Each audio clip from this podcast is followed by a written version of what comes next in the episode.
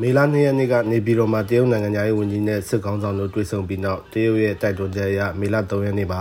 နိုင်ငံရေးအကျဉ်းသားတချို့ကိုစစ်ကောင်စီကပြန်လွှတ်ပေးခဲ့ပါတယ်။တရုတ်နိုင်ငံသားရေးဝန်ကြီးမလာခင်ဧပြီ16ရက်နေ့ကတရုတ်ကွန်မြူနစ်ပါတီနိုင်ငံတကာဆက်ဆံရေးညွှန်ချုပ်ဘန်ရှူဘင်းဟာအာဏာရှင်ဟောင်းဦးတန်းရွှေတမရဟောင်းဦးသိန်းစိန်တို့နဲ့တွေ့ဆုံခဲ့ပါတယ်။ဒီဆက်ဆက်ဖြစ်စဉ်တွေကြောင့်မြန်မာအရေးမှာတရုတ်က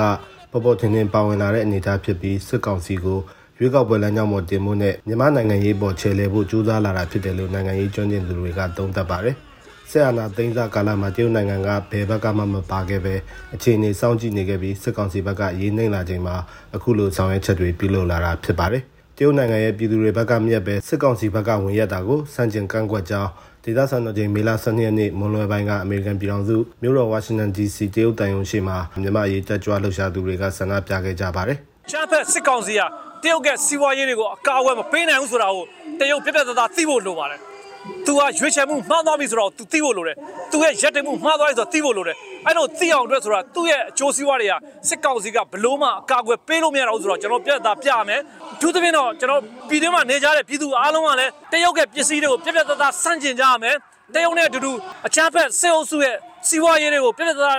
တပိတ်မှပေးကြမယ်ဒါပြည်သူလုံနိုင်တဲ့ကိစ္စပါပြည်သူလုံပေးကြပါကျွန်တော်တို့တွေကနိုင်ငံတကာမှာဆန္ဒပြလို့ရတယ်လူလူလှုပ်ရှားမှုလုပ်လို့ရတယ်နိုင်ငံတကာကိုပြပြလို့ရတယ်ဒီအချိန်မှာပြည်တွင်းကပြည်သူတွေကကိုယ့်ရဲ့လုံနိုင်တဲ့စွမ်းအားနဲ့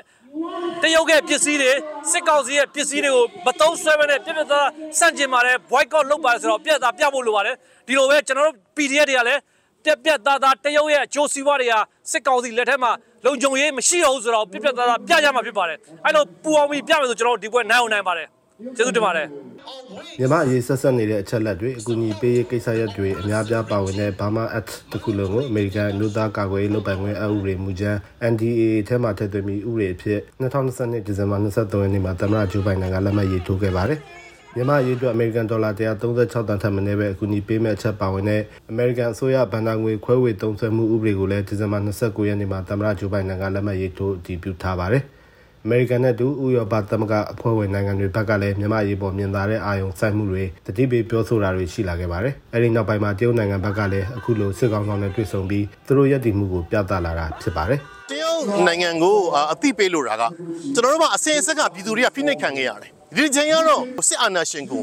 မရတဲ့နည်းနဲ့အမြင့်ဖြုတ်မယ်ဆိုတာဆုံးဖြတ်ပြီးသားပြည်သူတွေအားလုံးဆုံးဖြတ်ပြီးသားဖြစ်တယ်။တော့ဒီဒီချိန်တော့ကျွန်တော်ရောက်အမြင့်ဖြုတ်မှာပဲ။နော်အဓိကကြောက်လို့ရှိရင်ပြည်သူတွေနဲ့တရုတ်နိုင်ငံတွေကထာဝရရန်သူလို့ဖြစ်သွားလိမ့်မယ်။ဒါအိန္ဒိယချင်းနိုင်ငံအတွက်မကောင်းဘူးပေါ့။အဲ့တော့တရုတ်နိုင်ငံအနေနဲ့မှန်ကန်တဲ့ရွေးချယ်မှုလုပ်ဖို့လိုတယ်။တကယ်ရေချီအကျိုးစီးပွားအောင်လိုချင်တယ်တရုတ်နိုင်ငံက နော်တကယ်ထာဝရအကျိုးစီးပွားလိုချင်တယ်ဆိုလို့ရှိရင်ပြည်သူတွေနဲ့အတူရက်တည်ဖို့လိုတယ်။နော်အခုနော်တရုတ်နိုင်ငံကသူတို့အကျိုးစီးပွားရှိမဲ့ထင်ပြီးတော့မှနော်အာဏာရှင်တွေနဲ့အတူရက်တည်ခြင်းသည်တရုတ်နိုင်ငံရဲ့သူတို့အကျိုးစီးပွားရုပ်ရော့နေအောင်လုပ်ခြင်းဖြစ်တယ်ဆိုတော့ကျွန်တော်သိစေလိုတယ်